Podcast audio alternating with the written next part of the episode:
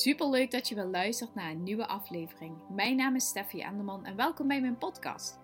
Mijn missie is om jou te inspireren op het gebied van zelfvertrouwen, eigenwaarde, durven te staan voor wie jij bent en het krijgen van een positieve mindset. Zodat jij alles gaat bereiken waar jij naar verlangt en over te voelt. Zullen we maar snel beginnen?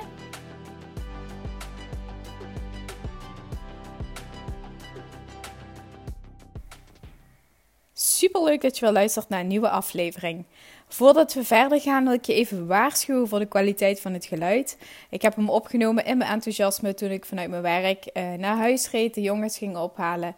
En net uh, luisterde ik hem en dacht ik, oeh, het is wel hele slechte kwaliteit.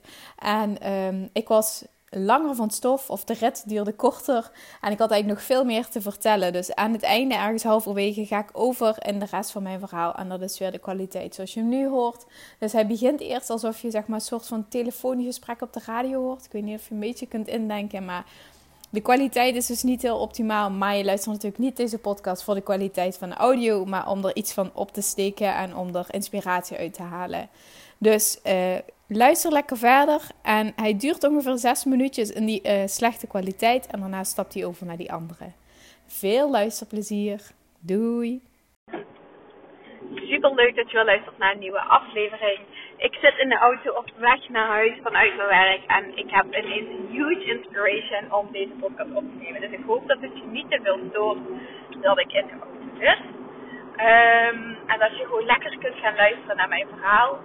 Um, en mocht het je nou te veel storen, dan moet je zeker even gewoon um, een berichtje of Insta sturen. En zeggen, Steffi, alsjeblieft, neem die podcast niet meer op als je al die dingen tussendoor doet. Waar ik het over wil hebben met jou vandaag is over het feit. Ik je een beetje meenemen en waarom ik nu... Uh, ja, het grote verschil als je misschien mij al een tijdje volgt of uh, je, je luistert me nu pas. Er zit eigenlijk een, een, een gat in mijn podcast en er zit ook een gat in... Um, ja, en gewoon zeg maar wat ik online heb gedaan en wat ik heb aangeboden als diensten. En daartussen zijn ook stukken waarop ik even niks heb aangeboden. En voor mij is het gaat niet per se om zeg maar waarom ik nu weer zelf ben aan doen. Maar ik heb voor mijn gevoel iets enorm geshift om, uh, ja, om hier dagelijks mee bezig te zijn. En hoe doe je dat nou precies met drie kinderen? En hoe zorg je ervoor dat je iedere dag wat doet? En voor mij...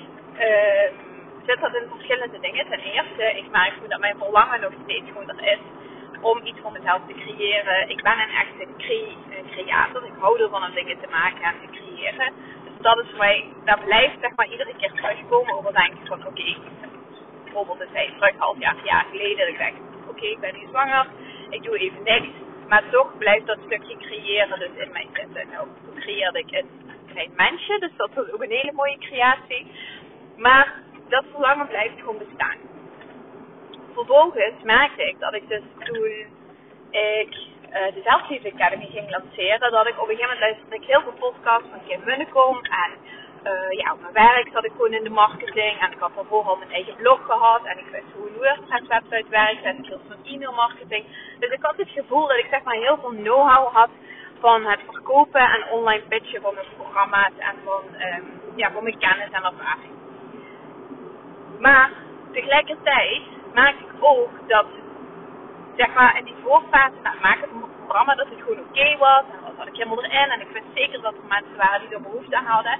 En tegelijk ervaarde ik ook een soort van, toen ik het dus ging pitchen, uh, toen ik dus de sale uh, open ging gooien, maakte ik gewoon echt zo van, oh, ik wil eigenlijk zeg maar geen verwachtingen stellen. De mensen komen zo, zoals ze komen. En ik ga niet zeggen, ik wil zoveel mensen en zoveel sale ik zie wel hoeveel mensen ik heb. Maar toen ik dus eenmaal die stil ging draaien, merkte ik dat ik juist wel, um, oh, dat ik juist wel die onrust voelde.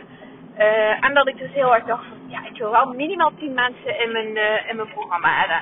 En toen had ik er 10. En toen dacht ik, ja, wat als ik er 20 kan krijgen bijvoorbeeld.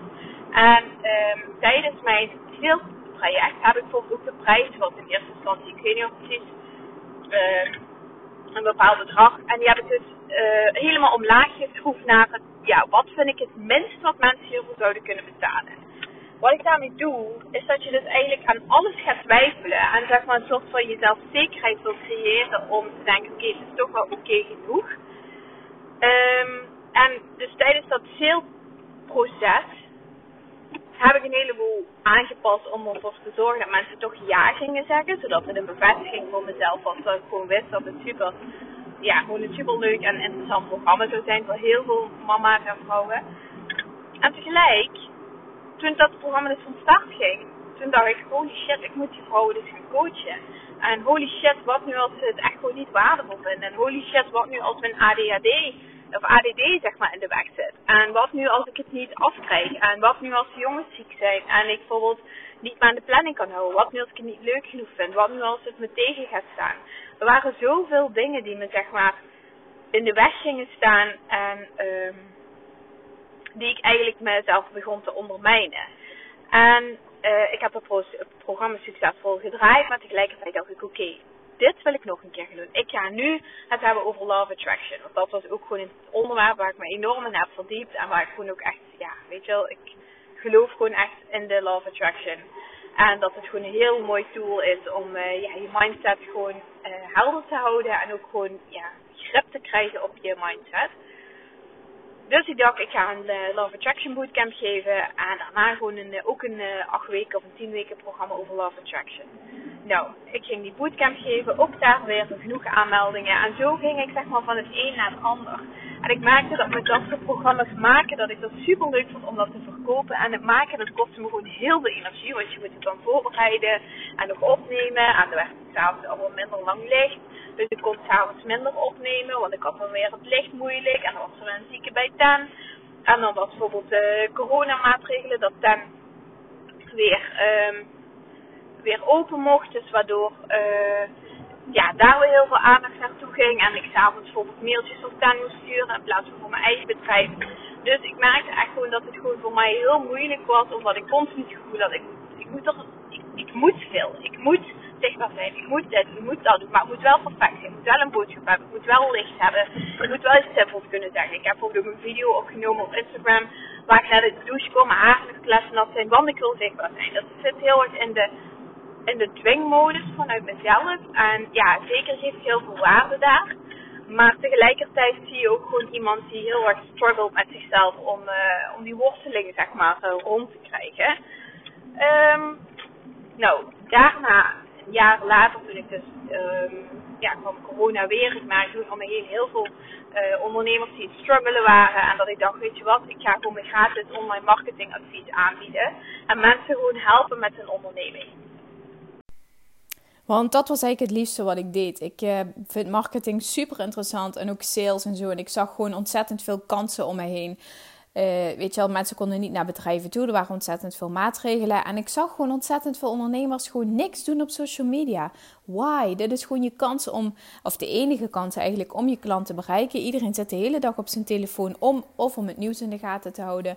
Uh, mensen konden nergens naartoe, dus iedereen was veel meer ook met WhatsApp en op social media en alles. En er kwam, weet je, bijvoorbeeld een, een wandeling met de beertjes, wat je ineens in het begin had. En Mensen gingen gewoon op zoek naar alternatieven om toch het leven gewoon leuk te maken en te genieten en elkaar te kunnen connecten en zo. Dus er waren gewoon ontzettend veel kansen om daar op een ludieke manier op in te springen. Maar ik merkte gewoon dat heel veel ondernemers daar, ja, het vergde gewoon even.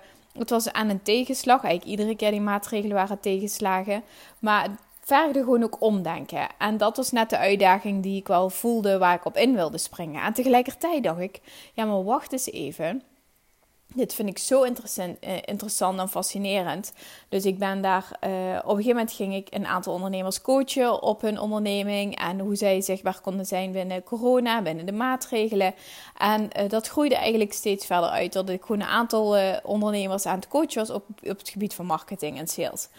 En dat vond ik zo super leuk en ook gewoon inspirerend. En ook dat je gewoon met dezelfde like-minded mensen aan het, aan het werken bent en zo. Maar tegelijkertijd ontstond daar ook gewoon ehm, ja, een bepaalde onzekerheid. Maar die kon ik op zich wel heel goed handelen. De onzekerheid kwam eigenlijk toen dat ik bleek dat ik in verwachting was van Bowie. En dat ik dacht, oh shit, nu komt er een kleintje erbij. En bij ons huis is eigenlijk nog niet af. Eigenlijk gaat mijn hele leven op de kop staan. Hoe ga ik dat doen straks als er een kleintje is? Want als ik iets heb geleerd van mezelf, is dat ik geen druk wil opleggen op mezelf. Ik wil niet meer mezelf pushen tot het uiterste en vinden dat ik van alles moet om te bewijzen dat. Ik wil het voor mezelf doen omdat ik het leuk vind, omdat ik er energie uithaal en omdat ik iemand anders wil helpen. En dat zijn de enige redenen waarom ik nog iets wil doen, maar niet omdat ik wil bewijzen dat ik, ja, weet ik veel, uh, succesvol kan zijn. Of dat ik, uh, dat wil ik gewoon allemaal niet, want dat legt zoveel druk op mezelf dat ik daar ja, ik bezwijk daar gewoon onder. Sommige mensen kunnen daar goed onder presteren, ik niet.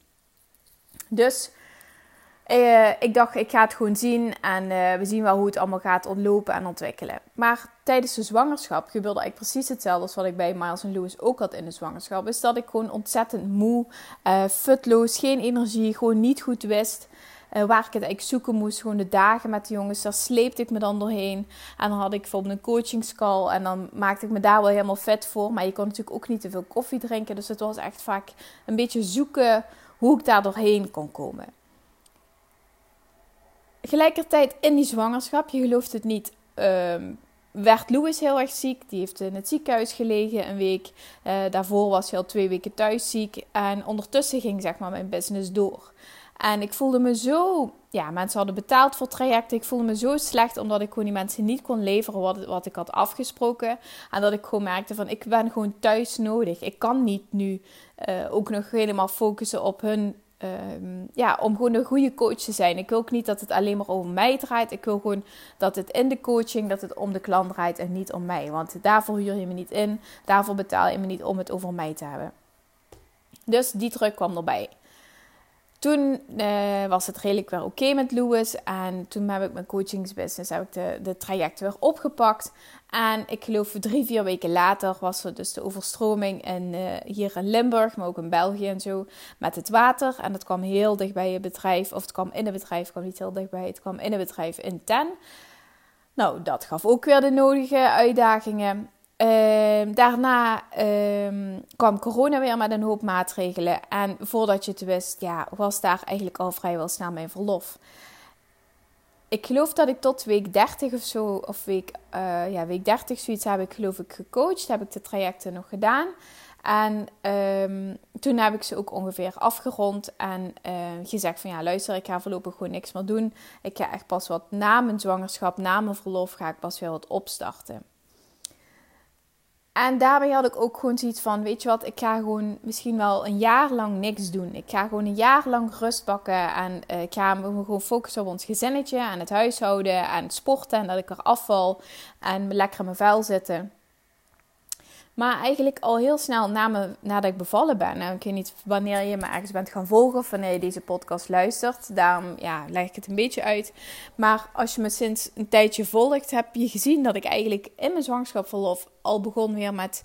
Ja, wat zie ik eigenlijk in de spiegel en wat vind ik daar eigenlijk van? En moet ik daar iets van vinden? En wat doet het met me emotioneel? En ik heb nu drie kindjes, drie keer zwanger geweest, wat doet dat met mijn lijf? En wat doet dat mentaal met me? En ben ik nu sterker na drie zwangerschappen? Of ben ik nu eigenlijk mentaal juist, ja, ben ik daar waar ik nooit had gehoopt dat ik zou komen? En um, ja, die zelfliefde journey ben ik begonnen met delen in mijn zwangerschapsverlof. Um, zeker omdat Bowie ook gewoon een hele makkelijke baby is. En ik merkte gewoon dat ik het leuk vond om dingen te maken en te delen. En eigenlijk kwam het heel onbewust weer terug op dat thema waar ik twee jaar geleden dus iets over heb gemaakt. Over zelfliefde, over jezelf accepteren, jezelf mooi vinden, jezelf de moeite waard vinden.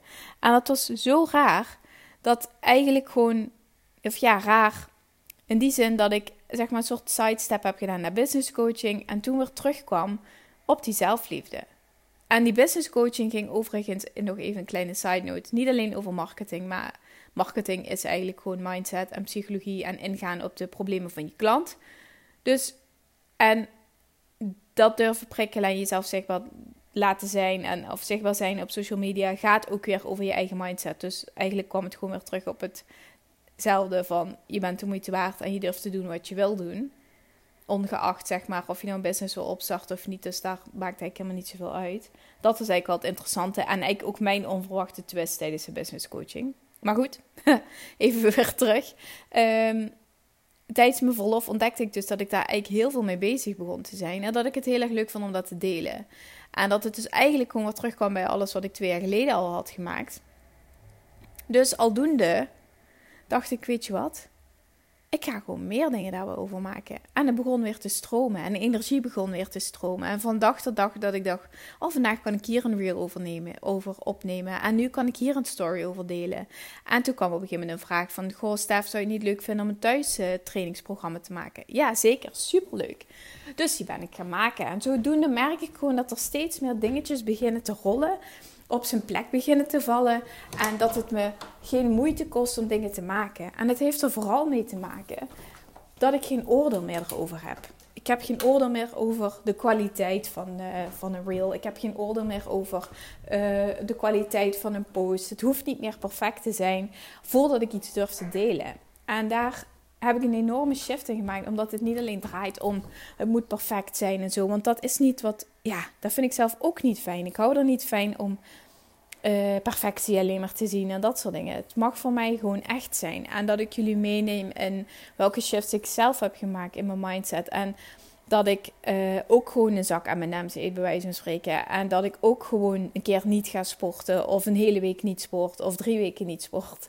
Maar um, dat stuk van het hoeft niet perfect te zijn. Ik hoef niet continu zeg maar alles te weten. Uh, gewoon zichtbaar zijn en jezelf zijn en laten zien waar je mee bezig bent is meer dan genoeg. En dat is denk ik ook juist het leuke aan als je dat kunt gaan loslaten, dan kun je ook gewoon vanuit dagelijkse motivatie um, dingen gaan posten en gaan delen.